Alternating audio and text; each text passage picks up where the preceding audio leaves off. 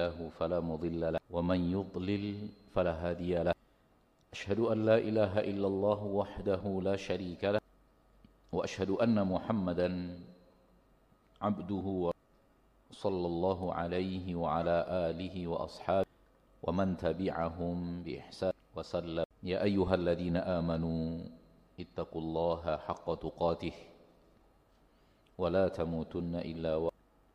يا أيها الناس اتقوا ربكم الذي خلقكم من نفس واحدة وخلق منها زوجها وبث منهما رجالا كثيرا ونساء. اتقوا الله الذي تساءلون به والأرحام. يا أيها الله وقولوا قول يصلح لكم أعمالكم ويغفر لكم ذنوبكم. ومن يطع الله ورسوله فقد فاز فوزا عظيما. أما بعد. فإن أصدق الحديث كتاب الله وخير الهدي هدي محمد صلى الله عليه وسلم شر الأمور محدثاتها فإن كل محدثة بدعة وكل بدعة ضلالة وكل ضلالة في النار. عشر المسلمين عشر المسلمات إخواني وأخواتي في الدين. al-hadirin wal-hadirat, al-musyahidin wal-musyahidat, para pemirsa di mana pun Anda berada, rahimani wa rahimakumullah. Mari kita bersyukur kepada Allah Rabbul Izzati wal Jalalah, Allah yang telah memberikan kepada kita curahan rahmat dan nikmat yang tiada tara dan tiada terhingga. Dengan bersyukur kepada rahmat dan nikmat kepada Allah tentang rahmat dan nikmat yang Allah Tabaraka wa taala berikan, maka Allah berjanji akan menambahkan kepada kita rahmat dan nikmatnya dan kalau tidak pandai bersyukur kepada Allah atas rahmat dan nikmat yang Allah berikan maka yang ada adalah ancaman atas hukuman azab yang Allah siap maka tidak ada posisi antara tidak bersyukur dan tidak kufur nikmat. Pilihannya hanya dua. Bersyukur, kalau tidak bersyukur berarti kufur. Karena Allah hanya menyebut dua sifat. La in syakartum la azidannakum wa la in kafartum inna adabi lasyadid. Kalau kalian bersyukur, aku akan tambahkan kepada kalian nikmat-nikmatku. Kalau tidak bersyukur hanya ada satu tempat yaitu kufur nikmat. Wala in kafartum kalau kalian kufur tidak pandai bersyukur kepada Allah atas rahmat dan nikmat yang Allah berikan, inna adzabi lasyadid. Sesungguhnya azabku sangat teramat pedih. Maka untuk menghindari azab ancaman yang Allah berikan azab dengan cara bersyukur kepada Allah atas nikmat yang Allah tabaraka wa taala beri. Salawat dan salam kepada nabi kita tercinta, rasul kita yang mulia, suri tauladan kita Nabi Muhammad bin Abdullah sallallahu alaihi wasallam. Sebaik-baik manusia yang hidup di permukaan bumi. Mulai manusia pertama, yaitu Nabi Adam alaihi salam, sampai manusia yang paling terakhir. Yang hidupnya paling terakhir. Maka Nabi kita tercinta SAW adalah manusia terbaik. Ana sayyidu waladi Adam wala fakhar. Saya adalah yang terbaik, yang terdepan, yang paling mulia dari seluruh Bani Adam. Wala fakhar. Dan tidak ada kesombongan. Menyampaikan apa yang Allah berikan kepada beliau, menyatakan posisi beliau, akan tetapi bukan untuk menyombongkan diri. Ma'asyarul muslimin, ma'asyarul muslimat, rahimani wa rahimakumullah. Pada kesempatan yang berbahagia ini, kita dimintakan untuk berbicara tentang menjaga hati daripada su'udhon. Ikhwani wa akhwati fid din, rahimani wa rahimakumullah, sesungguhnya agama Allah ini agama yang sempurna. Agama yang Allah turunkan, yang kita menisbatkan diri kita kepadanya adalah agama yang sangat-sangat sempurna tidak menyisakan apa pun kebaikan atau keburukan melainkan ada keterangan. Kalau itu adalah kebaikan, maka akan ada keterangan tentang kebaikan itu untuk disuruh kita melaksanakannya atau dianjurkan melaksanakannya atau diwajibkan untuk melaksanakannya. Kalau itu adalah keburukan, maka akan ada larangan dan perintah untuk kita wajib meninggalkannya atau dianjurkan untuk meninggalkan.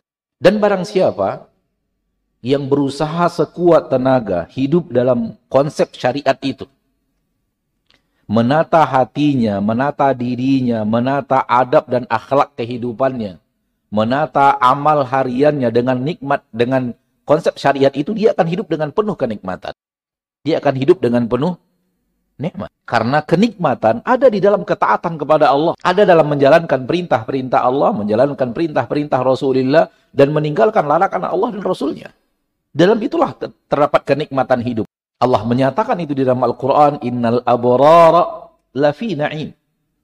Sesungguhnya orang-orang yang taat, orang-orang yang mau patuh dan taat atas perintah-perintah yang diperintahkan kepadanya, atas larangan-larangan yang dilarangkan darinya, lafi na'im. Benar-benar di dalam kenikmatan. Kenikmatan dunia, kenikmatan akhirat.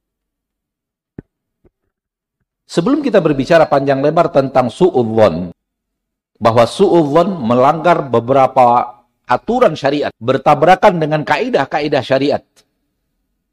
Namun sebelum kita memulai itu, ma'asyarul muslimin, ma'asyarul muslimat, kita mulai dengan lima sifat mukmin terhadap kesalahan orang lain, terhadap aib dan kekurangan orang lain. Barang siapa yang berusaha menata dirinya, menata hatinya, dengan berusaha memiliki lima sifat ini, dia akan hidup dengan penuh kenikmatan. Dia akan hidup dengan penuh ketenangan dan ketentraman. Mau tidak mau, suka tidak suka, kita akan ber, ber, berhadapan dengan manusia. Dan semua manusia yang kita berhadapan bersamanya, bermuamalah bersamanya, adalah orang yang memiliki keburukan. Dan memiliki kebaikan. Dia memiliki kebaikan, dia juga memiliki apa? Keburukan. Semua kita punya sisi baik, semua kita punya sisi buruk. Siapa manusia yang tidak punya kekurangan? Siapa manusia yang tidak punya kesalahan? Siapa manusia yang tidak punya kekhilafan. Siapa manusia tidak punya aib dalam dirinya? Nggak ada. Kalaulah bukan Allah menjaga para nabi dan para rasul daripada dosa, maka nabi dan rasul adalah manusia. Oleh karena itu para, para nabi dan para rasul kita sebut maksum, orang yang dipelihara, dijaga oleh Allah untuk tidak melakukan kesalahan, tidak melakukan dosa. Allah menjaga mereka untuk tidak melakukan dosa dan kesalahan. Kalau tidak mereka adalah manusia seperti manusia lainnya. Sebagaimana yang Allah katakan di dalam Al-Quran, dalam ayat yang sangat masyhur, Qul innama ana basyarum mislukum. Saya manusia seperti kalian. Namun turun penjagaan Allah. Dan penjagaan Allah terhadap manusia, agar si manusia itu tidak melakukan kesalahan, itu telah terkubur bersama dikuburnya wafat, bersama dikuburnya jasad Rasul kita tercinta Muhammad Sallallahu Alaihi Wasallam. Dengan dikuburnya jasad Rasul kita tercinta, sifat terjaga dari kesalahan dan kekurangan terkubur bersama terkuburnya jasad beliau. Nggak ada lagi sudah. Tak ada lagi manusia dengan hidup ismah, terjaga dari kesalahan. Maka muamalah kita bersama manusia, mau tidak mau, rela tidak rela, suka tidak suka, pasti akan berhadapan dengan kekeliruan dan kesalahan. Kita bersalah kepada mereka, mereka bersalah kepada kita. Kita memiliki kekurangan kepada mereka, mereka pun akan melakukan hal yang sama. Maka jangan pernah menuntut manusia sempurna. Karena tidak ada kesempurnaan itu. Baik, lima sifat. Apabila kita menjaga diri kita, ma'asyarul muslimin, untuk bisa menjalankan lima sifat ini, berhadapan dengan kekeliruan dan kesalahan orang di yang bermuamalah bersamanya, berinteraksi dengan dirinya, maka hidup dengan penuh ketenangan dan ketentraman. Semoga Allah memberikan saya dan kita semua yang hadir di sini dan kaum muslimin dan muslimat yang menyaksikan acara ini melalui media yang Allah mudahkan, diberikan oleh Allah kekuatan untuk berusaha sekuat tenaga. Mengamalkannya. Yang pertama, sifat kaum mukminin tidak ingin tahu kesalahan orang lain. Kesalahan itu pasti ada. Namun di dalam dirinya dia tidak ingin tahu sama sekali. Timbulkan di dalam hati kita ma'asyarul muslimin, ma'asyarul muslimat ke rasa, sifat, saya tidak ingin tahu kesalahan orang. Karena kesalahan manusia itu pasti ada. Permasalahannya adalah kita ingin tahu atau tidak ingin tahu. Kalau ingin tahu, pasti kita tahu. Karena dia ada. Bukan hanya ada, banyak. Maka sifat pertama seorang mukmin terhadap kesalahan saudara-saudarinya, dia tidak ingin tahu sama sekali. Mustahil tidak bahwa kita tidak tahu kesalahan orang? Mustahil. Tetapi ketika kita punya sifat tidak ingin tahu, ini akan menekan sebanyak mungkin keingintahuan kita akan kesalahan tersebut. Tanamkan di dalam hati kita. Karena kesalahan manusia yang kita ketahui itu tidak ada gunanya untuk kita. Nggak ada gunanya. Saya sudah berkali-kali menantang, menantang nih judulnya ini. Tantangan kepada yang hadir di majelis taklim di mana Allah Taala memberikan kesempatan kepada kita berbicara tentang suudzon dan yang lain, ribah dan yang lainnya. Bercerita tentang aib dan kesalahan orang lain. Tolong datangkan kepada saya satu manfaat dari tahu urusan orang lain tahu kesalahan orang lain, tahu problematika hidup orang lain, tahu aib dan kekurangan orang lain. Apa untungnya untuk kita? Datangkan satu manfaat. Dan sampai saat ini belum ada yang berhasil mendatangkan satu manfaat. Maka hiduplah wahai muslim, wahai mukmin, tidak ingin tahu kesalahan orang karena tidak ada gunanya untuk kita. Tanamkan di dalam hati itu tidak ingin tahu. Dan ini batu berpijak terbaik untuk keluar dari su'udhon. Dua, kalau ataupun dia tahu, tahunya tanpa disengaja. Ini poin yang kedua. Kita sudah katakan tadi di poin yang pertama, mustahil tidak akan tahu. Tapi ada keinginan hati untuk tidak ingin tahu. Dan pasti kita tahu. Taunya kita tanpa kesengajaan. Jadi tidak ada aksi untuk mencari tahu. Dan di dalam agama kita ada dua sifat Dua-duanya terlarang aksi mencari tahu kesalahan orang. Pertama tajassus, yang kedua tahassus. Bedanya hanya satu titik. Tajassus, tahassus. Yang satunya jim, yang satunya hak. Nabi SAW bersabda dalam hadis yang saya nanti kita bacakan. Namun kita ambil potongannya saja. La tajassasu wa la tahassasu. Jangan kalian tajassus yaitu cari-cari kesalahan orang lain menggunakan mata. Wala tahassasu, jangan kalian cari-cari kesalahan orang lain menggunakan telinga. Maka sifat orang mukmin hidup bersama saudaranya muslimin, muslimat, mukminin dan mukminat, tetangganya, atasannya, bawahannya, pasangan hidupnya, sahabatnya, dan yang lainnya apalagi ustadznya. Ini apalagi ini. Bukan pembelaan diri ya. Karena para ulama berbicara, orang-orang yang mengajak kepada kebaikan, lalu kita cari-cari kesalahannya, itu dosanya lebih lebih berat. Karena mudarat-mudarat yang lebih besar daripada selain mereka.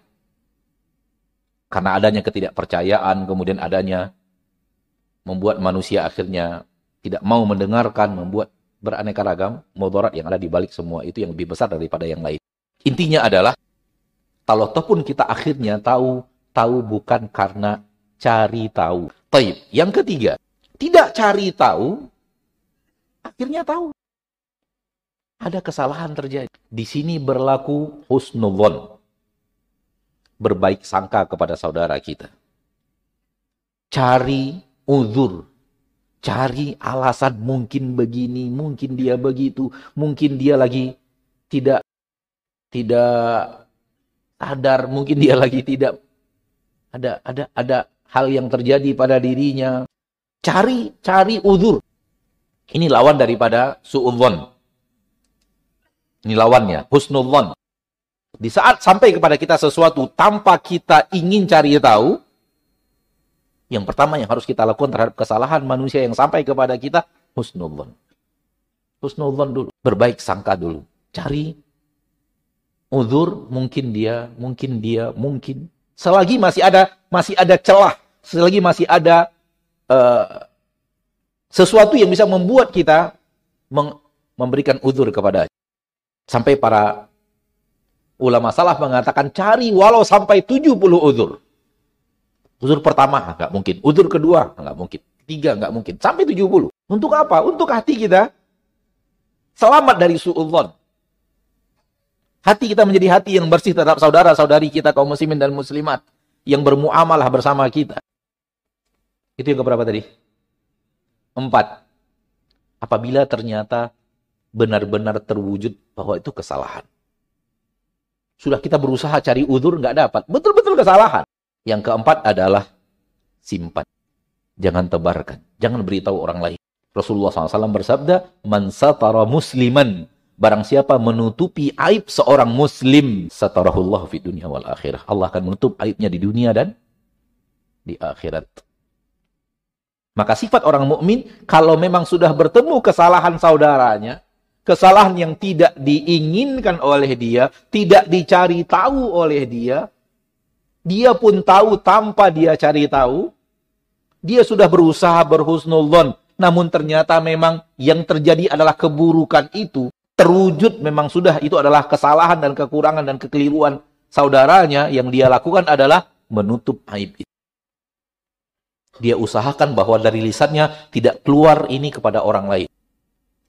Ini sifat menutup aib. Dan ini penting. Karena kita ingin aib kita juga ditutup oleh Allah. Dan kita punya aib itu. Imam Syafi'i mengatakan, Lisanaka la tadhkuru bihi ri'in. Fakulluka walinnasi alsun. Lisanmu jangan sebut-sebut dengannya kekurangan orang lain.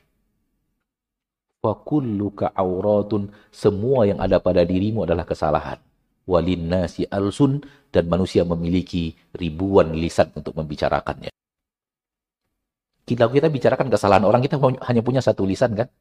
Orang punya ribuan lisan membicarakan kesalahan kita. Akan kalah kita berhadapan dengan ribuan lisan manusia yang akan membicarakan diri kita. Yang tidak menutup aib saudaranya, Allah tidak akan berjanji menutup aib dirinya di dunia dan di akhirat. Dan Allah tutup di akhirat lebih penting daripada Allah tutup di dunia. Di dunia aja kita tidak sanggup kalau aib kita ketahuan. Nah, yang kelima yang terakhir, kalau ternyata aib itu berhubungan dengan hak kita yang dizolimi, maaf. Kalau aib itu ternyata berhubungan dengan kewajiban dia yang dia tidak tunaikan kepada kita, maaf. Barang siapa yang hidup dengan sifat ini, hidup dengan penuh ketenangan dan ketentraman bersama saudara-saudarinya kaum muslimin dan muslimat, di mana pun dia berada, bersama siapa pun dia bermuamalah. Dan dia akan mendapatkan hati yang bersih dan suci. Salah satu di antara yang Allah katakan di dalam Al-Quran yang kita hafal, Qad aflaha man zakah. Dalam surat Asy-Syams ayat 9. Pasti pasti berjaya, pasti nyaman hidup orang yang mensucikan dirinya. Dan ini cara mensucikan diri dari poin kesalahan manusia. Yang mau tidak mau kita akan berinteraksi dengan kesalahan itu. Mau tidak mau kita akan berhadapan dengan kesalahan itu. Masyarul muslimin, masyarul muslimat, rahimani wa rahimakumullah. Tidak gampang memang mengamalkan sifat-sifat ini. Namun yakinlah bahwa tidak mustahil. Bahwa ini tidak mustahil untuk di diamalkan. Dan sungguh telah hidup bersama sungguh telah hidup di permukaan bumi ini. Kaum-kaum yang berhasil memiliki sifat itu. Yang hati mereka bersih. Sebersih-bersihnya daripada aib kaum muslimin. Kenapa? Mereka hidup dalam sifat yang seperti itu dan semua ini bertabrakan dengan su'udzon bertabrakan dengan su'udzon Su'udhan itu aja adalah orang belum tentu melakukan kesalahan, kita sudah mengira dia akan melakukan kesalahan. Belum sampai kepada kita kesalahan itu, kita sudah bersu'udhan dia melakukan kesalahan itu kepada kita. Atau belum dia melakukan kesalahan itu, kita sudah bersu'udhan dia melakukan itu. Padahal belum tentu itu yang dia lakukan. Di poin yang ketiga tadi, atau ya, di poin yang ketiga, kalau dia sampai kepadanya kesalahan seorang insan, seorang saudara-saudaranya, dia akan mencari uzur. Itu sudah sampai sudah sampai kepadanya. Dia akan mencari uzur. Adapun su'udzon belum sampai kepadanya kesalahan itu. Dia sudah bersu'udzon kepada manusia. Kata-kata diucapkan seseorang, tindakan dilakukan oleh seseorang, ucapan diucapkan terdengar oleh dia dari seseorang. Wah ini maksudnya begini. Dilarikan kepada yang buruk. Maka su'udzon bertabrakan dengan sifat mukmin dari awal sifat seorang mukmin yang harusnya berhadapan dengan kesalahan kaum muslimin dan kaum muslimat yang dia hidup bersama mereka. Oleh karena itu di dalam agama Allah su'udzon dilarang. Diharamkan dengan ijma' para ulama. Karena tidak ada nas yang melarikan ayat larangan su'udzon kepada makruh. Maka su'udzon adalah haram. Ayat yang sangat masyhur yang dia jadi dijadikan menjadi landasan pondasi akan keharaman su'uzon adalah surah Al-Hujurat ayat 12. Allah tabaraka wa taala berfirman, "Ya ayyuhalladzina amanu jtanibu katsiran minadh-dhon." Hai orang-orang yang beriman, jauhi kebanyakan daripada syakwa sangka. Zon belum jelas, jauhi. Karena kebanyakan persangkaan itu adalah haram. Mayoritas zon haram. Oleh karena itu Allah mengatakan kafiram minadhon. Kebanyakan daripada zon. Maka mayoritas zon masuk ke dalam kancah haramnya. Haramnya zon. Masuk ke dalam su'udhon. Ayat ini larangan terhadap sifat su'udhon. Dan para ulama mengatakan tidak ada nas yang melarikannya kepada makruh. Oleh karena itu hukumnya adalah hukum asal daripada larangan yaitu haram. Al-aslu finnahi at-tahrim. Hukum asal daripada sebuah larangan adalah keharaman. Sampai datang dalil yang me memindahkannya dari hukum haram kepada hukum makruh. Enggak ada enggak ada dalil yang yang mengalihkan kepada hukum makruh, maka baqi ala aslihi tetap pada asalnya hukumnya adalah haram. Saudara-saudariku kaum muslimin dan muslimat.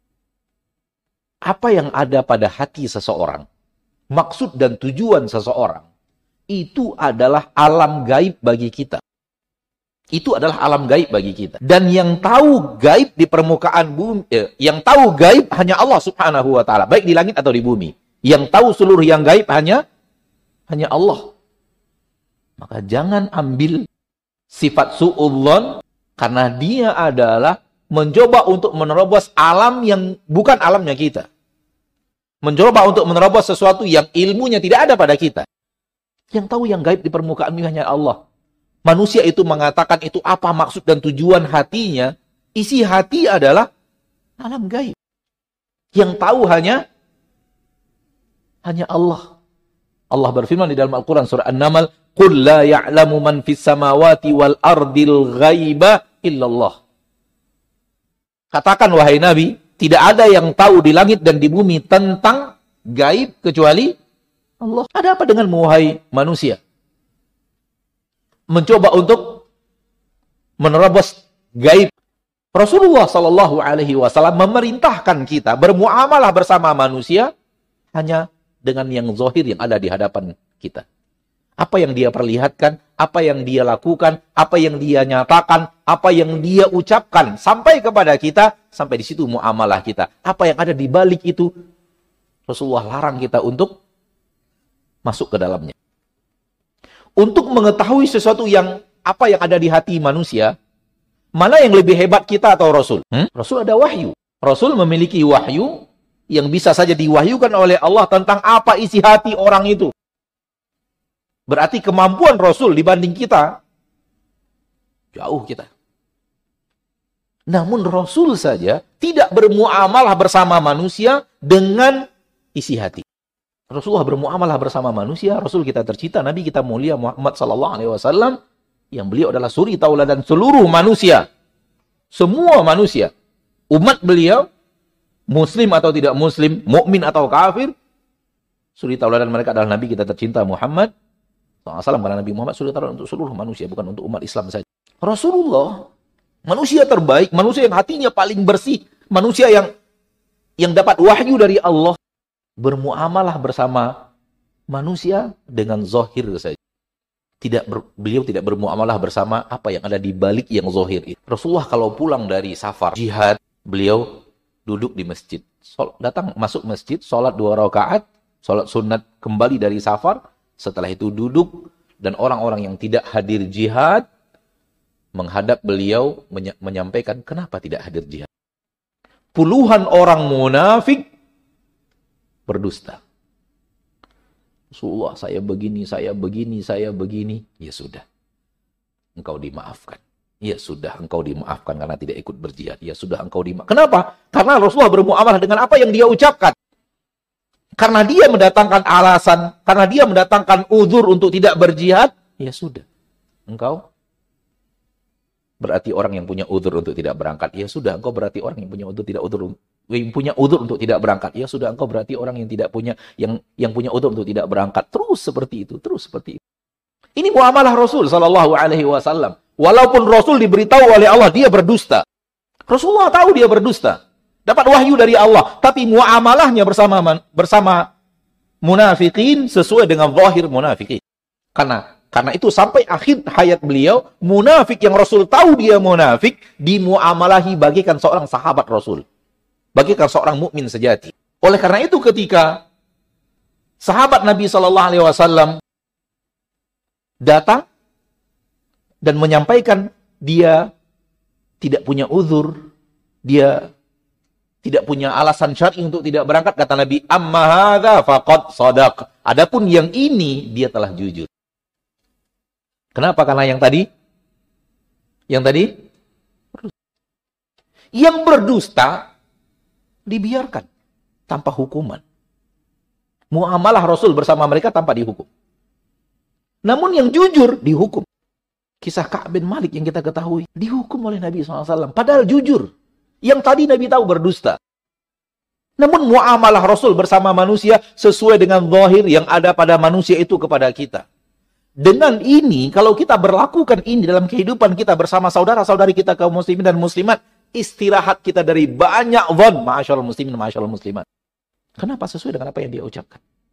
Sesuai dengan apa yang dia katakan kepada kita. Kalau sampai kepada Rasulullah SAW satu kesalahan dari sahabatnya, Rasul bertanya dulu, kenapa engkau lakukan ini? Apa penyebabnya? Kenapa dilakukan? Seperti yang terjadi pada sahabat Nabi yang mulia, Hatib bin Abi Balta'ah ketika beliau mengirim surat kepada orang munafikin, kepada maaf, kepada orang kufar Quraisy bahwa Rasul akan pergi menyerang Mekah. Jadi ini loyal kepada orang kafir secara muamalah. Padahal Rasul, pada Rasulullah SAW berdoa kepada Allah, meminta kepada Allah agar menutup dari mata-mata Quraisy bahwa orang Quraisy akan diserang oleh kaum muslimin. Hati bin Abil Mata'ah justru menulis surat dikirim melalui seorang budak wanita berangkat ke Mekah. Begitu sampai kepada Nabi, bahwa itu telah kesalahan, dipanggil dulu Hati bin Abi Balta'ah dan ditanya, Ya Hatib, ada apa ini wahai Hatib? Umar sudah emosi radhiyallahu an. Ya Rasulullah, qad nafaqa Hatib. Hatib sudah munafik ya Rasulullah. Fada'ni adribu unaqa. Biarkan saya penggal kepalanya ya Rasulullah. Loyal kepada orang kafir, tidak loyal kepada Anda, loyal kepada kaum kufar, tidak loyal kepada kaum mukminin. Kemunafikan. Perperangan-perperangan agama, bukan perperangan minyak. Bukan peperangan wilayah dan masalah-masalah dunia lainnya. Tapi Nabi bertanya dulu kepada Habib, ada apa wahai Habib? Maka kalau terjadi kesalahan, ini yang disebut dengan tabayun. Bertanya kepada yang salah. Sampai kepada kita kesalahan dirinya, bertanya kepadanya. Ada apa? Eh, kamu melakukan ini ada apa? Dan kalau dia ucapkan sebuah kata, dia ucapkan alasan, terima alasan itu sesuai dengan zohirnya. Jangan tebak lagi isi hati. Oh dia berdusta, oh dia begini, oh dia begitu. Bertanya dulu saja itu sudah menyebabkan banyak permasalahan akan tertutup. Dalam muamalah kita bertemu kata-kata, bertemu yang berhubungan dengan kita. Tanya dulu kenapa dia ucapkan itu. Boleh jadi kadang-kadang ucapan itu saja tidak ada. Orang menyampaikannya kepada kepada kita dalam bentuk fitnah. Orang menyampaikannya kepada kita dalam bentuk su'udhannya dia. Orang menyampaikan kepada kita dan ingin membuat antara kita dengan dia berseteru. Namam. Ingin mengadu domba antara kita dan orang tersebut. Ada di antara manusia punya sifat mengadu domba. Maka jangan biarkan diri kita diadu domba bersama saudara-saudari kita kaum muslimin dan muslimat. Kalau memang sampai kepada kita sebuah pernyataan dari dirinya, tanyakan, kenapa Anda lakukan? Nah. Su'udhon akan berakibat rusaknya persaudaraan. Dan Allah memerintahkan kita untuk memperbaiki kesalahan itu. Persaudaraan itu, maaf. Allah memerintahkan kita untuk saling memperbaiki persaudaraan kita sesama muslim dan muslimah, sesama mukmin dan mukminah muslim dan muslim lainnya, mukminah dengan mukminah lainnya, mukmin dengan mukmin lainnya. Disuruh untuk memperbaiki, memperbaiki, memperbaiki. Su'udzon merusak itu. Masih dalam surah Al-Hujurat, Allah berfirman, Ya ayyuhalladzina innamal mu'minuna ikhwah. Innamal mu'minuna ikhwah. Fa'aslihu baina akhwai. Ayat yang ke-10 dari surah Al-Hujurat. Fa'aslihu baina akhwaikum. Kalian adalah bersaudara. Mukmin dengan mukmin lainnya bersaudara. Muslim dengan muslim lainnya bersaudara. Fa'aslihu baina akhawaikum. Perbaiki persaudaraan kalian. Jangan dirusak. Dan su'udhon adalah pintu terbesar untuk merusak persaudaraan itu. Oleh karena itu ayat yang ada setelah ayat ini yang ke, yang 10 ini dari surah Al-Hujurat, dua ayat setelahnya adalah kesalahan-kesalahan di dalam bermuamalah. Ayat ke-10 dari surah Al-Hujurat Sesungguhnya kaum mukminin bersaudara, maka perbaiki persaudaraan kalian. Ayat 11 dan 12 larangan-larangan yang bisa merusak per persaudaraan itu. Mulai dari ejek mengejek, su'udhon, memberikan gelar-gelar yang tidak baik, tajasus memata-matai, ribah. Semua itu larangan-larangan yang Allah datangkan persis setelah Allah memerintahkan kita untuk memperbaiki persaudaraan kita bersama saudara-saudari kita kaum muslimin dan muslimat yang kita bermuamalah bersama mereka. Su'udhon biasanya mayoritasnya datang disebabkan manusia terlalu merasa dirinya suci, dirinya baik. Dirinya lebih minimal lebih baik daripada orang yang di, di. Dan sifat merasa diri baik itu terlarang dalam agama kita. Sifat merasa diri kita lebih mulia daripada orang lain lebih mulia daripada si fulan, lebih mulia daripada si fulan itu dilarang dalam agama kita. Di dalam surat An-Najm ayat 32 Allah larang fala tuzakku amfusakum. Jangan kalian merasa suci. Jangan kalian merekomendasi diri kalian sebagai orang yang zaki, orang yang suci. Dan suudzon biasanya lahir karena dia merasa dirinya baik. Dia merasa dirinya lebih mulia, dia merasa dirinya minimal sedikit kesalahan, minimal itu sudah. Itu kan baru rasa, belum nyata. Nyatanya nanti lihat di akhirat. Berapa kesalahan yang akan disebut oleh Allah Taala kepada kita tentang diri kita. Apalagi di zaman kita sekarang, ma'asyurul muslimin. Zaman kayak gini, Anda merasa diri Anda punya aib yang sedikit. Dari mana datangnya? Berapa aib yang datang kepada Anda melalui mata? Berapa aib yang datang melalui telinga? Berapa aib yang datang melalui lisan? Berapa aib yang datang melalui tulisan? Ketikan, Berapa aib datang melalui komentar. Itu baru satu bab. Belum muamalah. Transaksi. Belum kewajiban. Hak dan kewajiban sebagai anak, sebagai ayah, sebagai suami, sebagai istri. Banyak hak, banyak hal yang akan membuat kita memiliki manusia yang penuh dengan kekurangan dan kekeliruan. Oleh karena itu, sifat orang mukmin hidup bersama saudaranya, dia selalu melihat saudara yang lebih baik daripada dirinya. Bukan dia merasa dirinya lebih baik daripada saudaranya. Dia berharap oke, okay, tapi dia tidak merasa seperti itu. Dan ini makna salah satu makna zuhud yang disebutkan oleh para ulama salaf tentang makna zuhud. Dia selalu merasa orang merasa orang lain lebih baik daripada dirinya. Dia selalu merasa orang lain lebih baik daripada dirinya. Dan dia tidak merasa dirinya lebih baik daripada orang lain. Ini salah satu makna zuhud di dunia. Dan ini sering anak sampaikan kepada saudara-saudariku kaum muslimin dan muslimat, kalau kita mau jujur, kalau kita mau jujur, masih banyak orang lain yang punya amalan lebih baik daripada kita. Amalan kita, lalu kita cari amalan itu dibanding dengan amalan saudara-saudari kita kaum muslimin dan muslimat, masih banyak orang lain yang lebih lebih daripada kita amalannya. Coba lihat, rajin membaca Al-Quran. Masing-masing kita saja rajin membaca Al-Quran. Masih ada kan di sana sini saudara-saudari kita yang lebih rajin baca Quran daripada kita? Di zaman kita sekarang masih ada orang-orang yang mengkhatamkan tiga kali sehari. Kita berapa kali dalam setahun? Dapat tiga kali setahun itu udah hebat kayaknya. Sana sini masih ada saudara-saudari kita yang hidup mengkhatamkan Al-Quran sekali dalam tiga hari. Yang sekali dalam sepekan. Soal hadir ke masjid, duluan hadir ke masjid. Coba lihat diri kita dengan saudara-saudari kita. Masih ada kan saudara-saudari kita yang lebih rajin duluan ke masjid dibanding kita? Soal rajin berinfak dan bersodakoh, hal yang sama. Soal rajin tahajud, hal yang sama. Soal orang penyabar, hal yang sama. Soal orang yang rajin memaafkan, hal yang sama. Artinya, apa pun kita lihat dari diri kita yang kita anggap baik, di sana sini masih terlalu banyak orang lain yang mengalahkan kita. Begini cara hidup orang mukmin hidup. Supaya dia tidak sibuk dengan sibuk dengan kesalahan orang dan kemudian lebih daripada itu sibuk dengan zon yang belum tentu orang lain itu melakukan kesalahan itu. Maka suudzon lahir disebabkan seorang manusia terlalu percaya diri bahwa dia orang baik. Akhirnya waktunya habis bukan untuk melihat kesalahan dirinya untuk dia perbaiki, namun justru waktunya habis melihat kesalahan orang lain untuk dia bicarakan. Dan bersuudzon kepada manusia dalam perbuatan-perbuatan manusia. Na'udzubillahi min Suudzon bertabrakan dengan sifat mukmin yang Nabi katakan mencintai untuk saudaranya apa yang dia cintai untuk dirinya. Dalam hadis yang sahih dari Imam Bukhari, Rasulullah SAW bersabda, "La yu'minu ahadukum hatta yuhibba li akhihi ma yuhibbu li nafsihi. Tidak beriman kalian sampai kalian cintai untuk saudara kalian apa yang kalian cintai untuk diri kalian. Kita ingin orang lain ber, berhusnudzon kepada kita. Orang lain juga ingin kita berhusnudzon kepadanya. Maka cintai untuk saudara kita apa yang kita cintai untuk diri kita. Hal yang tidak kita sukai untuk diri kita, demikian juga lakukan. Jangan lakukan kepada orang lain, karena orang lain juga pasti tidak suka diperlakukan itu kepada dirinya. Sebagaimana kita tidak suka orang lain bersuudzon kepada kita. Maka jangan suudzon kepada orang lain. Namun yang anehnya, banyak orang hidup, kalau dia yang berbuat, dia ingin orang lain husnudzon, husnudzon, husnudzon. Namun ketika dia yang bermuamalah justru suudzon, suudzon, suudzon. Kenapa tidak dibalik? Terhadap diri kita, kita selalu su'udzon.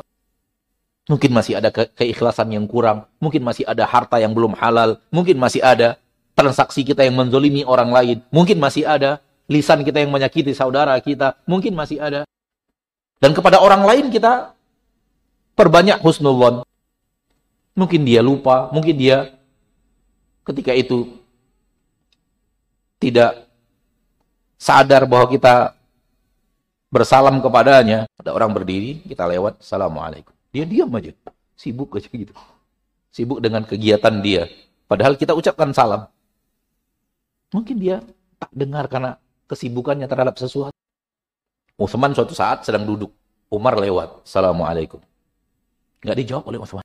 Begitu ketemu Abu Bakar radhiyallahu anhu, Umar katakan, tadi saya ucapkan salam kepada Utsman. Namun Utsman tidak jawab. Kata Abu Bakar, mungkin dia nggak dengar. Ayo kita datangi, kita tanya. Subhanallah. Hal yang sekecil itu saya dilakukan sahabat Nabi. Tabayun di, dilakukan oleh sahabat Rasul kita tercinta Muhammad sallallahu alaihi Dan begitu sampai kepada Uthman, Abu Bakar yang bertanya, "Wahai Uthman, tadi saudara lewat ucapan salam, kan kau tidak jawab ada apa?" Kata Uthman, "Saya tidak dengar. Saya sedang sibuk memikirkan nasib saya di akhirat." Saya sedang sibuk apa? memikirkan nasib saya di akhirat. Siapa Utsman? Orang yang telah dijanjikan surga oleh Rasul kita tercinta sallallahu alaihi wasallam. Siapa Utsman? Manusia ketiga terbaik setelah selain Rasul. Terbaik di permukaan bumi ketiga. Tak dengar ucapan Utsman, ucapan Abu Bakar, maaf, tidak mendengar ucapan Umar ketika Umar mengucapkan salam. Karena sedang Orang ketika pikirannya sedang sibuk, dia tidak mendengar, dia menjadi orang yang tuli. Apalagi di depannya ada handphone. Wah itu tulinya luar biasa itu. Maka ketika saudara kita, kita ucapkan salam dia tidak jawab, jangan, waduh kayaknya dia benci sama saya. Apa salah saya sama dia? Kenapa saya kok nggak dijawab salam saya? Sok suci banget tuh orang. Nah, mulai itu dah. Mulai ke mana-mana itu, setannya datang udah. Masukkan ini, masukkan itu was lain kali. Kalau dia ucapan salam saya balas, sudah jadi manusia pendendam. Nauzubillah min dzalik. Su'udhon penyebab kita cari-cari tahu kesalahan orang. Oleh karena itu digabung oleh Nabi SAW dalam sebuah hadis. Iyakum wadhan fa inna dhanna akdzabul hadis wa la tajassasu wa la tahassasu. Jauhi oleh kalian zon karena zon itu adalah sebu se, se sedusta-dusta perkataan. Jauhi oleh kalian su'udzon karena su'udzon itu adalah sedusta-dusta ucapan. Wala tajassasu wala tahassas. Hadis Imam Bukhari dan Muslim dari Abu Hurairah. Lihat larangan su'udzon setelah larangan su'udzon, larangan cari-cari kesalahan melalui mata, larangan cari-cari kesalahan melalui telinga. Dimulai oleh Nabi SAW tidak su'udzon, baru kemudian Jangan cari kesalahan orang melalui mata kalian. Intai, intai. Dia lagi ngapain? Dia berbuat apa? Dia ketemu siapa? Dia jalan sama wanita. Ini wanita ini istrinya apa bukan? Ini siapa ya? Dilarang cari-cari kesalahan melalui telinga, duduk, bicara. Kesalahan orang melalui ucapan manusia yang sedang menggibah kita suka dengar. Oh, oh, oh begitu. Dilarangnya tajasus dan tahasus setelah dilarang su'udhon. Kenapa? Su'udhon akan menyebabkan tajasus dan tahasus. Maka ketika datang satu langkah syaitan kepada kita bernama su'udhon, syaitan masuk berikutnya. Maka kita akan terjerumus ke dalam ingin dengarkan kesalahan orang atau ingin cari tahu kesalahan orang karena sudah dimulai dengan su'udhon. Syaitan, syaitan datang dengan langkah yang satu demi satu. Satu dulu, yang kedua, yang ketiga, yang keempat. Sampai akhirnya dia masukkan kita kepada beraneka ragam dosa. Wal'iyadzubillah. Su'udhon termasuk perbuatan yang tidak ada gunanya untuk kita. Dan Rasulullah SAW bersabda, di antara tanda baiknya Islam seseorang, dia menjauhi perkara yang tidak ada gunanya untuk dirinya. Dan kita sudah kita katakan tadi, tidak ada manfaat tahu aib dan kesalahan orang orang lain. Maka jauh. Sebuah ancaman dari Rasul kita tercinta SAW tentang orang-orang yang cari-cari tahu kesalahan orang lain. Hadis diriwayatkan oleh Imam Abu Dawud dinyatakan sahih oleh Syekh Al-Albani rahimahullah di dalam sahih Abi Dawud. Rasulullah SAW bersabda, Ya ma'syara man amana bilisani, walam yadkhulil imanu qalbah. Wahai orang-orang yang beriman dengan lisannya, namun iman itu belum lagi masuk berbaur di hatinya. La taghtabul muslimin. Jangan kalian ribahi kaum muslimin. Wala tattabi' wala tattabi'u auratihim. Jangan kalian cari-cari tahu kesalahan mereka. Fa innahu manittaba'a auratihim. Siapa yang berusaha cari-cari tahu kesalahan kaum muslimin, yattabi'ullahu auratah. Allah akan mencari-cari kesalahannya. Wa may yattabi'illahu auratahu dan orang-orang yang Allah yang cari kesalahannya yufdihuhu fi baitih. Allah akan tampakkan kesalahannya kepada orang lain walau dia amalkan itu sendirian di rumah. Walau dia berusaha menyembunyikannya, tak ada orang yang tahu. Allah punya cara untuk membongkarnya kepada manusia. Na'udzubillah. Tsumma na'udzubillah min dzalik. Bermula dari su'udzon. Lalu bahagia tahu kesalahan orang. Lalu ingin cari tahu kesalahan orang. Kalau sudah sampai segitu, ini ancaman dari Rasul kita tercinta, Muhammad sallallahu alaihi Kejadian di zaman Rasul kita tercinta, Aisyah dituding berzina. Kenapa? Terlihat masuk Madinah bersama lelaki yang bukan suaminya. Maka kesempatan orang-orang yang benci kepada Rasul menyebar aib istri Rasul. Dan sebelum kita lanjutkan, saya ingin menyampaikan sebuah poin akidah dalam bab ini bahwa orang munafik di zaman Rasul tahu bahwa Rasul tak tahu yang gaib. Kalau ada orang mukmin sekarang menyatakan Rasul tahu yang gaib, maka dalam bab ini dia kalah akidahnya dalam bab ini dengan munafik di zaman Rasul. Kalau kalau masih ada di zaman kita sekarang ini atau mungkin ada di negeri kita ini orang yang meyakini Rasul tahu yang gaib. Kalau dia yakini itu, dalam poin ini, akidahnya kalah oleh akidah orang munafik di zaman Rasul. Orang munafik zaman Rasul tahu persis bahwa Rasul tidak tahu yang gaib. Oleh karena itu berani nebar isu yang tidak benar tentang Aisyah. Sekiranya mereka tahu, Rasulullah tahu yang gaib, itu keyakinan mereka. Buat apa mereka tebar isu? Buat apa mereka menuding Aisyah berzina? Rasul Muhammad tahu yang gaib, ngapain? Gak ada gunanya tebar isu. Zahir kejadian, kesempatan tebar isu oleh orang munafik. Yang dilakukan oleh Abu Darda, sesuatu yang dicatat oleh sejarah. Ketika istrinya, um, maaf, Abu Ayub, bukan Abu Darda, Abu Ayub. Ketika istrinya mengatakan, Ya Aba Ayub, apakah engkau tidak mendengar apa yang dikatakan manusia orang-orang tentang Aisyah? Kata Abu Ayub, saya dengar. Dan ini sifat yang luar biasa. Dengar dengar orang mengucapkan, nggak peduli. Nggak peduli. Karena tidak ingin tahu. Kalau kita kan enggak, antum dengar nggak ya? Ini menurut pendapat antum gimana? Nggak ingin. Ingin tahu pendapat orang. Padahal belum tentu benar. Abu Ayub sudah dengar tapi diam. Tapi ditanya oleh istrinya, dengar? Kata banyak saya. Pendapat anda bagaimana? Nggak mungkin. Nggak mungkin Aisyah melakukan. Kenapa anda berpendapat demikian? Kata Abu Ayub, engkau wahai Ummu Ayub, mau nggak melakukan dosa seperti itu. Tidak. Aisyah lebih baik daripada kamu. Nggak mungkin dia lakukan itu. Subhanallah. Aisyah lebih mulia dari dirimu. Engkau saja tidak mungkin melakukannya, apalagi Aisyah.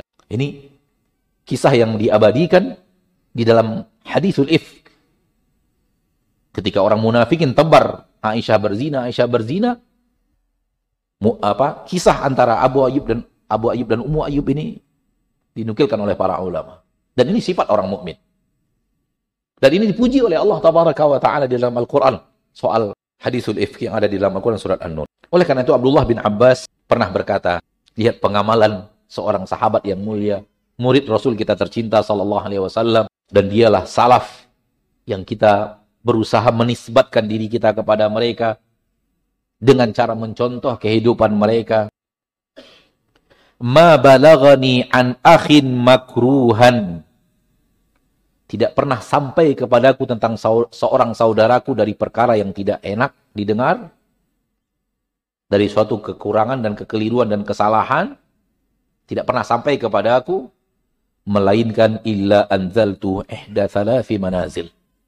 Melainkan saya akan letakkan di salah satu dari tiga kondisi.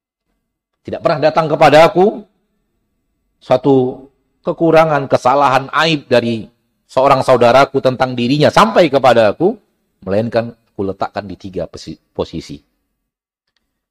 Inkana fauqi araftu lahu qadrah. Sekiranya orang yang sampai kepadaku itu kesalahannya adalah orang yang lebih mulia dari diriku. Di atasku.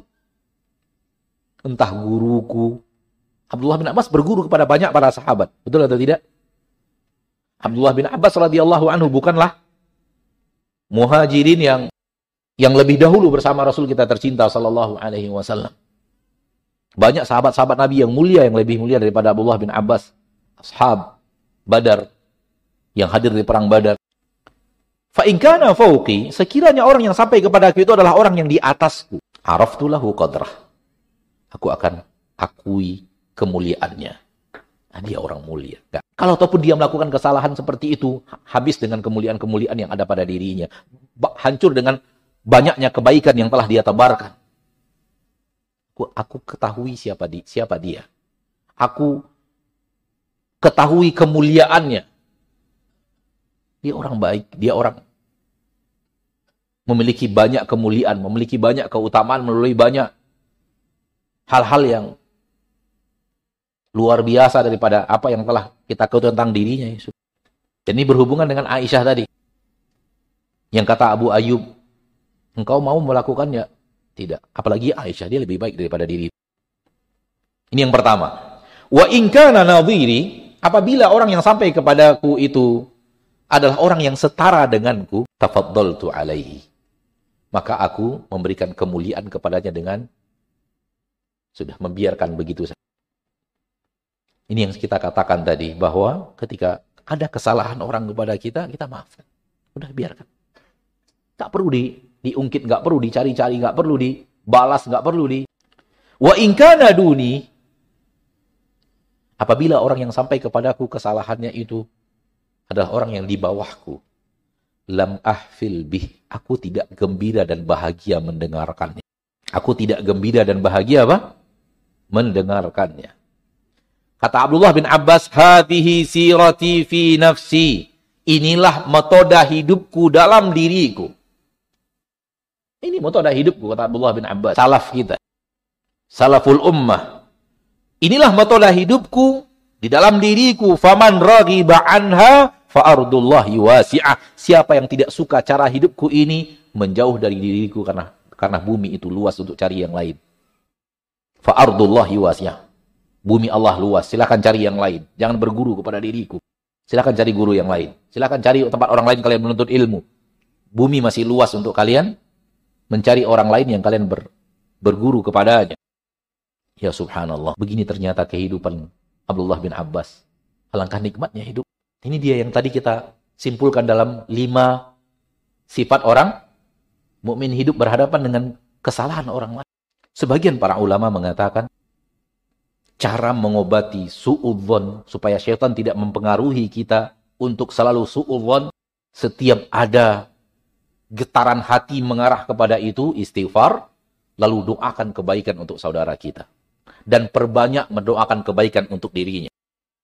Ini cara untuk menaklukkan su'udzon dan menaklukkan tipu daya iblis untuk menyeret menyeret kita kepada suudzon. Setiap datang rasa suudzon, perbanyak doa kebaikan untuk saudara kita itu. Sehingga iblis para ulama mengatakan sehingga syaitan ketika akan memancing kita untuk suudzon, malas dia. Nanti dia berdoa kebaikan untuk saudaranya, nanti dia berdoa kebaikan untuk saudaranya. Kemudian yang terakhir, kita semua kita ingin hidup tenang. Kita semua ingin hidup damai. Kita semua ingin hidup nyaman. Dan kenyamanan itu ada dalam husnudzon. Dan menjauhi su'udzon. Umar radhiyallahu taala anhu berkata, "La tadhunna bi kalimatin kharajat min akhika illa khaira." Jangan engkau mengira sebuah kalimat yang keluar dari saudaramu kecuali kebaikan. Maka kata-kata yang datang kepada kita dari saudara kita selalu husnudzon kan kata Umar radhiyallahu taala anhu. Hal yang sama dikatakan Ali bin Abi Thalib. Tapi Ali bin Abi Thalib mengatakan yang terbalik. La tadhunnanna bi kalimatin kharajat min ahadin su'a. Jangan engkau mengira sebuah kalimat yang keluar dari seseorang, engkau mengira itu adalah buruk. Jangan su'udzonkan. Kalau Umar mengatakan husnudzonkan. Kalau Ali mengatakan jangan su'udzonkan. Mudah-mudahan apa yang bisa kita sampaikan pada kesempatan yang berbahagia ini tentang masalah su'udzon memberikan kepada kita ilmu dan semangat untuk mengamalkan ilmu tersebut. Kita mengatakan bahwa diri kita penuh kekurangan dan kita tidak ingin orang lain membicarakan kekurangan itu. Kita tidak ingin orang lain membongkar kekurangan kita kepada orang lain, maka hal yang sama Jangan ingin tahu kesalahan orang lain dan membicarakan. Kita ingin kekurangan kita, aib kita ditutup oleh Allah di dunia dan di akhirat. Maka tutup juga aib saudara-saudari kita di permukaan bumi ini. Semoga apa yang kita bisa sampaikan pada materi ini bermanfaat dan waktu yang tersisa kita gunakan untuk menjawab beberapa pertanyaan. Sallallahu wasallam mubaraka wa an'am ala abdihi wa rasulihi Muhammad. Pertanyaan pertama, beredar video agar tidak ikut memilih salah satu kandidat pilpres dengan membeberkan aib-aib orang tersebut. Katanya demi kepentingan dan kemaslahatan kebaikan orang banyak, agar dia tidak jadi presiden. Bagaimana Ustadz? Lalu siapa yang akan jadi presiden? Hah? Lalu siapa yang akan jadi presiden? Adakah manusia sekarang lulus? Harus jadi presiden, tidak boleh ada orang tahu aibnya. Ada orang yang lulus. Dan orang yang menyebarkan video atau membuat video itu, kalau dia pun dijantik jadi presiden, juga akan sama. Orang juga tahu kesalahannya. Maka ini tindakan yang tidak benar. Tindakan seorang mukmin yang benar minta kepada Allah agar Allah menjadikan pemimpin kita orang yang terbaik menurut Allah untuk kita. Sudah serahkan kepada Allah. Minta Allah yang menunjuk yang terbaik untuk kita. Karena Allah lebih tahu yang terbaik untuk kita di antara yang maju. Dan di antara prinsip ahlu sunnah, hidup di negeri yang ada pemimpinnya, walau penuh kekurangan, lebih baik daripada hidup di negeri yang tidak ada kepemimpinan. Karena hidup di negeri yang tidak ada pemimpin, itu negeri yang kacau balau. Itu negeri yang di dalamnya berlaku hukum hewan. Siapa yang kuat, dia yang menang. Siapa yang lemah akan tertindas. Akan terjadi rampas-merampas. Semena-mena, bunuh-membunuh semena-mena. Di mana sebuah negeri tidak ada apa? Kepemimpinan. Mana yang lebih baik? Orang ini naik, walau ada kekurangan-kekurangan, banyak kekurangan yang kita ketahui namun hidup ada pemimpin, ada aturan, ada yang mengatur keamanan, ada yang mengatur pola kehidupan bermasyarakat, ada yang mengambil tangan orang-orang yang zalim untuk dicegah atau untuk dihukum. Mana lebih baik daripada hidup tanpa kepemimpinan? Abdullah bin Mawrak al-Marwazi mengatakan, Laulal khilafatu lam ta'man lana subulun. Kalau bukan karena kepemimpinan, khilafah, maka tidak ada jalan yang aman untuk kita. Wa kana ad'afuna nahban li aqwana. Yang lemah akan dirampas oleh yang kuat. Antum ingin, wahai orang yang membuat video ini, antum ingin dipimpin oleh Umar bin Khattab. Kalau antum ingin dipimpin oleh Umar bin Khattab, antum harus menjadi Uthman bin Affan. Antumnya. Karena Umar bin Khattab tidak akan jadi pemimpin kecuali yang hidup bersamanya Uthman bin Affan, Ali bin Abi Thalib, Abu Hurairah, Abdullah bin Abbas, Aisyah, Fatimah. Ini pemimpin, kalau ini rakyatnya. Kalau rakyatnya kayak kita ini, yang jadi pemimpin Umar, aib bagi Umar jadi pemimpin. Bukan aib bagi kita, aib bagi Umar jadi pemimpin. Bukan kita orang-orangnya, yang kalau pemimpinnya adalah Umar. Kalau umat, kalau masyarakatnya ada Ali bin Abi Thalib, masyarakatnya adalah Talha bin Zubair, masyarakatnya adalah Abu Ayyub Al-Ansari, masyarakatnya adalah Abu Hurairah, itu dia Umar pemimpin. Tapi kalau umat masyarakatnya brandy, friendly, friendly, maaf tanpa kalau ada yang namanya sama bukan maksud menyebut nama. Kalau umatnya adalah ya pemimpinnya kayak gini. Wallahu alam. Jadi tidak benar. Wallahu alam. Kita saja sebagai orang tua tidak ingin anak kita tebar video kesalahan kita. Bapak saya begini, bapak saya begini baru kepemimpinan kecil. Lalu kenapa kita menyebar kesalahan orang lain? Bagaimana kita bisa menjadi orang yang ikhlas, melupakan kesalahan orang lain, tidak gampang sakit hati dan marah. Karena sebagai manusia biasa kita punya rasa kecewa, rasa sakit hati, dan rasa susah untuk melupakan. Ini obatnya adalah mengedepankan akhirat dibanding dunia. Ini obatnya adalah apa? Mengedepankan akhirat dibanding dunia. Kalau hati kita, kita didik untuk lebih peduli akhirat, dunia ini gampang kita lupakan. Hak-hak kita yang dirampas orang di permukaan bumi gampang kita maafkan. Gampang kita untuk tidak mudah sakit hati. Gampang kita untuk tidak dendam kepada kesalahan orang lain. Gampang kita untuk kecewa tapi langsung terobati sedih namun langsung cepat hilang. Kalau hati kita telah mekar di dalamnya sifat sangat mencintai apa yang ada di akhir dibanding di di dunia. Semoga kita berlatih untuk itu. Ustadz, nasihat-nasihat ini disampaikan di pengajian, nasihat-nasihat ini disampaikan dalam majlis yang kita datangi, namun tidak bisa membuat kita lebih baik. Apa yang harus kita lakukan lagi Ustadz? Apalagi nggak datang kajian? Apalagi nggak datang kajian. Hati-hati loh. Setan akan mengatakan, Anda hadir ya, majlis taklim ya. Tapi nggak berubah-ubah juga. Untuk apa hadir? Antum hadir saja masih kayak begini, apalagi nggak hadir. Hadirnya antum, dihitung dari rumah tadi, dihitung dari niat ingin hadir kajian, perjalanan antum dari rumah sampai ke sini, sampai di sini sholat tahiyatul masjid, sampai di sini duduk dua jam, satu jam setengah mendengarkan kajian, pulang lagi ke rumah sekian lama, semua itu ibadah. Ada apa antum lupakan itu semua? Mulai ada niat. Allah Allah mungkin di antara antum sudah punya niat dari dua hari yang lalu. Nah, saya niat nih hadir kajiannya, temanya saya suka ini kayaknya. Sudah ada niat hadir kajian. Sudah berpahala. Perjalanan antum dari rumah kemari.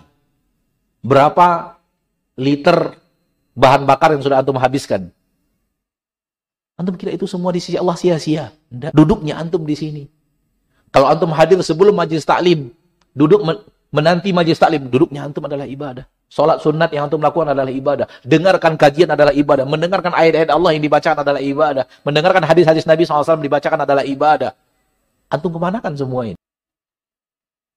Oleh karena itu, jangan mudah dipengaruhi oleh syaitan kita untuk meninggalkan majlis taklim. Lakukan terus, berjuang terus. Dan perjuangan itu akan membutuhkan waktu, akan membutuhkan upaya yang terkadang tidak mudah, tapi saya katakan tadi tidak mustahil. Lakukan lagi, lakukan lagi, lakukan lagi. Oleh karena itu, lanjutkan.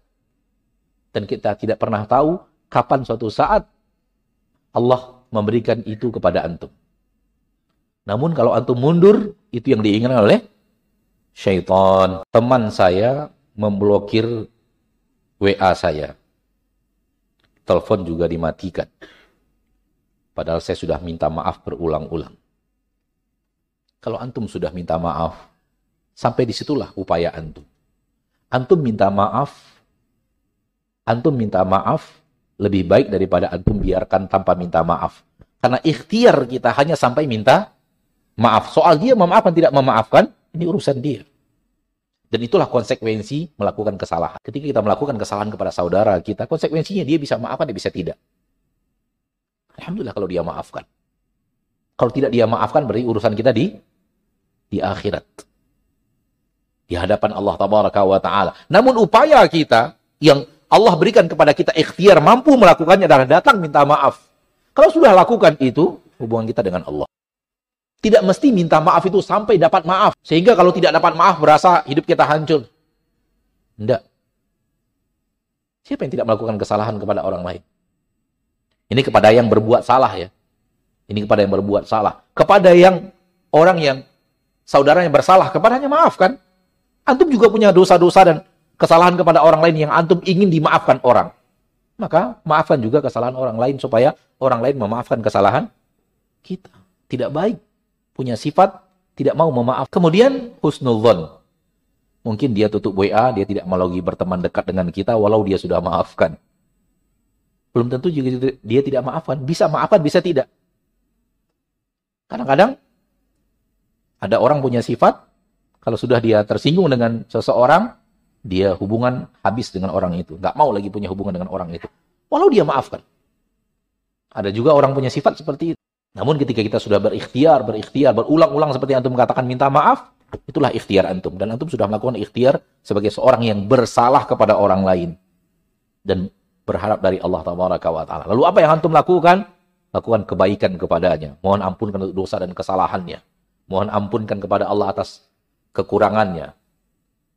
Doakan kebaikan-kebaikan untuk dirinya. Sehingga akan berimbang antara kekurangan yang kita lakukan kepadanya dengan kebaikan yang kita Lakukan kepada yang semakin banyak antum lakukan, mudah-mudahan kebaikan antum lebih banyak daripada kekurangan yang akan dia tuntut di akhirat.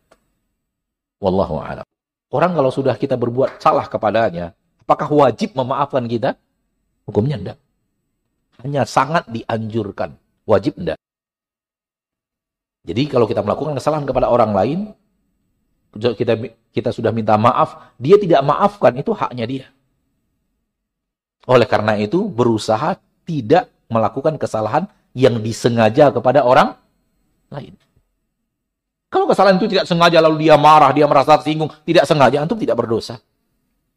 Tapi kalau disengaja, berdosa. Kalau dia tidak maafkan, itu konsekuensi dosa. Oleh karena itu, berpikir sebelum bertindak. Berpikir sebelum berbicara. Wallahu Apakah, bagaimana jika kita mengetahui kesalahan itu untuk supaya tidak terjadi kejahatan yang sama terhadap orang lain. Untuk apa antum tahu? Itu kan ingin cari tahu kan? Bagaimana jika kita mengetahui kesalahannya? Ingin tahu kesalahannya supaya tidak terjadi lagi pada diri kita, tidak terjadi kepada orang lain. Bukan begitu. Terjadi kesalahan itu antum tahu karena tidak ingin cari tahu. Sudah kita sampaikan tadi, di sifat seorang mukmin. Maka jangan ingin tahu kesalahannya. Jangan ingin tahu apa? Kesalahannya. Biarkan kesalahan itu datang kepada kita tanpa aksi dari kita ingin mengetahuinya atau cari-cari supaya kita tahu. Itu yang benar. Wallahu Ada tentang sebuah kesalahan terjadi diketahui tentang saudaranya, kita sudah katakan tadi, kalau kita tahu tutup. Kalau kita tahu apa? Tutup. Sampai kepada kita sudah kita katakan tadi tahakkuk. Benar-benar terwujud kesalahan itu. Benar-benar terwujud kesalahan itu.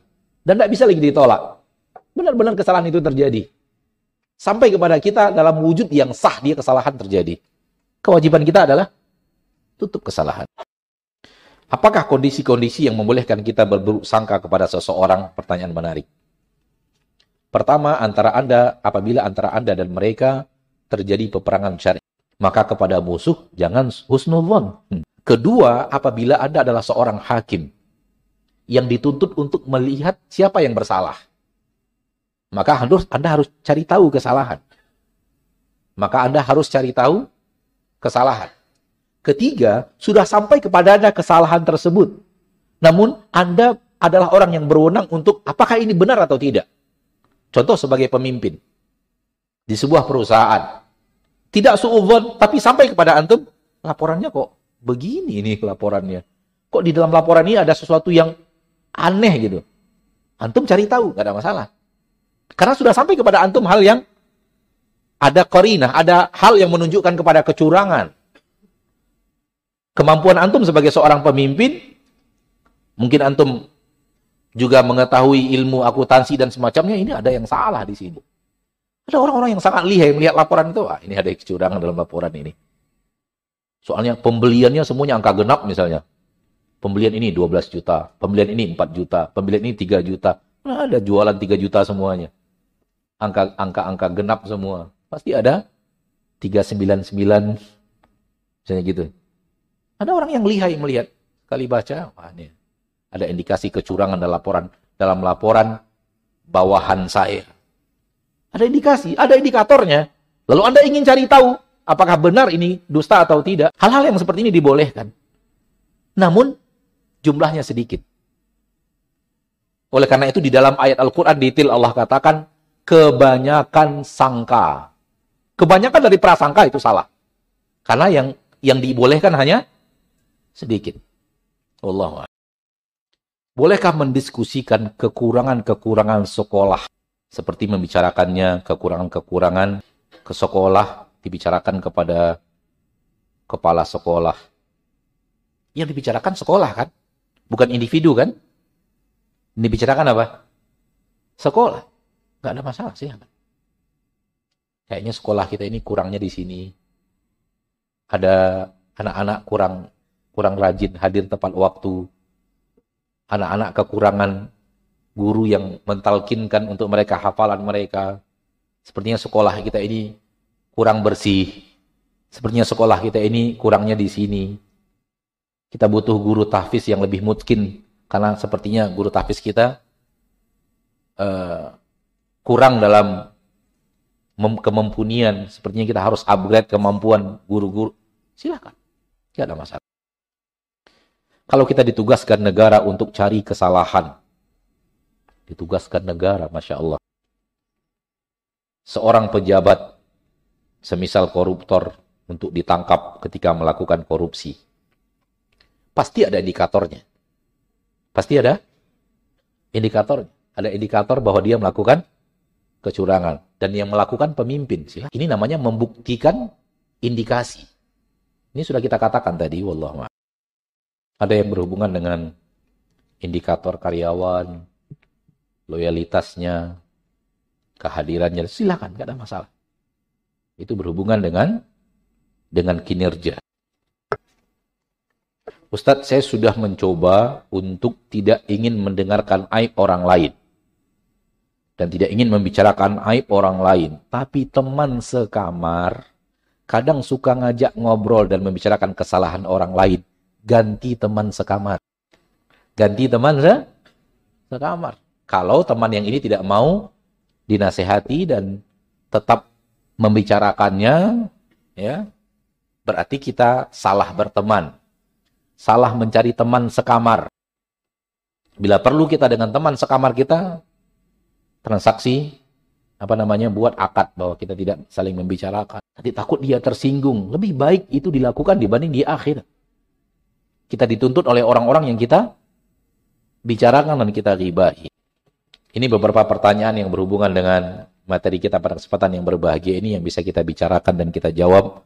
Semoga Allah Taala menjadikan kita hamba-hambanya yang berusaha ingin mencapai hati yang bersih, mencapai amalan yang suci, mencapai kesucian jiwa, sehingga mendapatkan janji Allah qad aflaha man zakkaha dan terhindar daripada jiwa yang kotor sehingga terhindar dari waqad khaba man dassaha dan semoga hari-hari kita kita penuhi dengan husnudzon kepada manusia dan semoga Allah tabaraka wa taala wafatkan kita semua di atas husnul khatimah dan semoga Allah maafkan dosa dan kesalahan kita di yaumil hisab dan semoga Allah buka dari kita pintu surganya dan Allah tutup dari kita pintu nerakanya.